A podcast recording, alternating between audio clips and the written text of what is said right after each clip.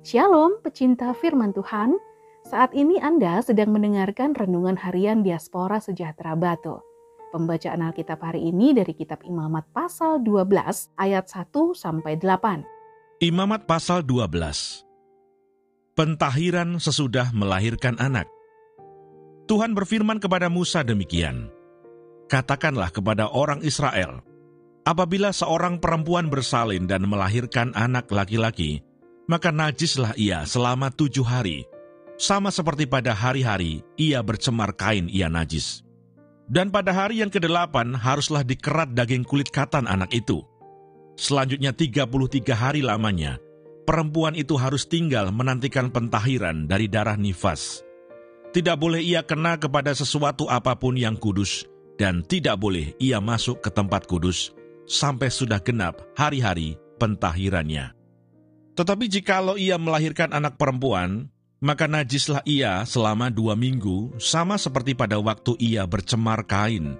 Selanjutnya 66 hari lamanya, ia harus tinggal menantikan pentahiran dari darah nifas. Bila sudah genap hari-hari pentahirannya, maka untuk anak laki-laki atau anak perempuan, haruslah dibawanya seekor domba berumur setahun sebagai korban bakaran dan seekor anak burung merpati atau burung tekukur sebagai korban penghapus dosa ke pintu kemah pertemuan dengan menyerahkannya kepada imam. Imam itu harus mempersembahkannya ke hadapan Tuhan dan mengadakan pendamaian bagi perempuan itu. Demikianlah perempuan itu ditahirkan dari leleran darahnya.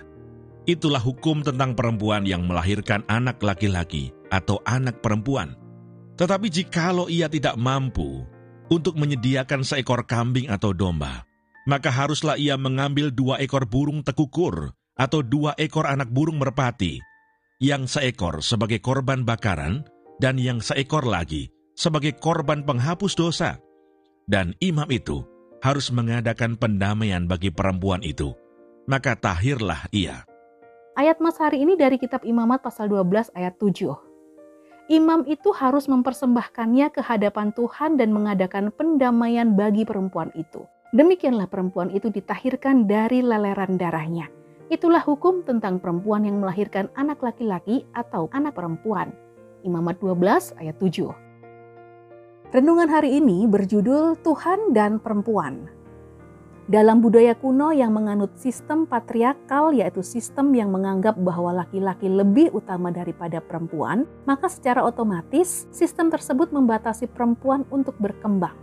Harus diakui, sistem tersebut akan menimbulkan kesenjangan dalam masyarakat. Namun dengan berkembangnya zaman, ada perempuan-perempuan yang mulai mendobrak kebudayaan patriarkal dan akhirnya memiliki kesempatan yang sama dengan laki-laki. Bangsa Israel termasuk bangsa yang menganut sistem patriarkal. Namun untuk menetralkan kesenjangan yang terjadi di dalam kehidupan bangsa itu, Allah mengatur hukum yang tertera dalam Imamat pasal 12. Allah memakai Musa untuk mengatur bagaimana orang Israel menghargai perempuan dengan sangat detail. Tuhan mengatur bagaimana bangsa ini harus memperlakukan perempuan yang sedang melahirkan, dan Allah juga memberikan perbedaan kenajisan antara melahirkan atau najis karena mengeluarkan darah kotor seperti perempuan yang sedang datang bulan dan melakukan pelanggaran hukumnya. Secara detail, Allah juga membedakan kenajisan perempuan yang melahirkan anak laki-laki dan perempuan.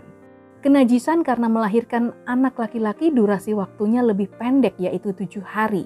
Karena pada hari ke-8 anak laki-laki tersebut harus disunat. Sedangkan masa najis ibu yang melahirkan anak perempuan adalah selama 14 hari. Melalui peraturan ini kita dapat melihat bahwa Allah memperlakukan laki-laki dan perempuan itu berbeda. Tetapi ia tidak membeda-bedakan mereka. Laki-laki dan perempuan diciptakan dengan bahan fungsi yang berbeda, tetapi di hadapannya kedudukan mereka sama. Oleh karena itu, marilah kita saling menghargai sebagai makhluk ciptaan Allah. Tuhan Allah berfirman, "Tidak baik kalau manusia itu seorang diri saja, Aku akan menjadikan penolong baginya yang sepadan dengan dia. Kejadian 2 ayat 18. Tuhan Yesus memberkati.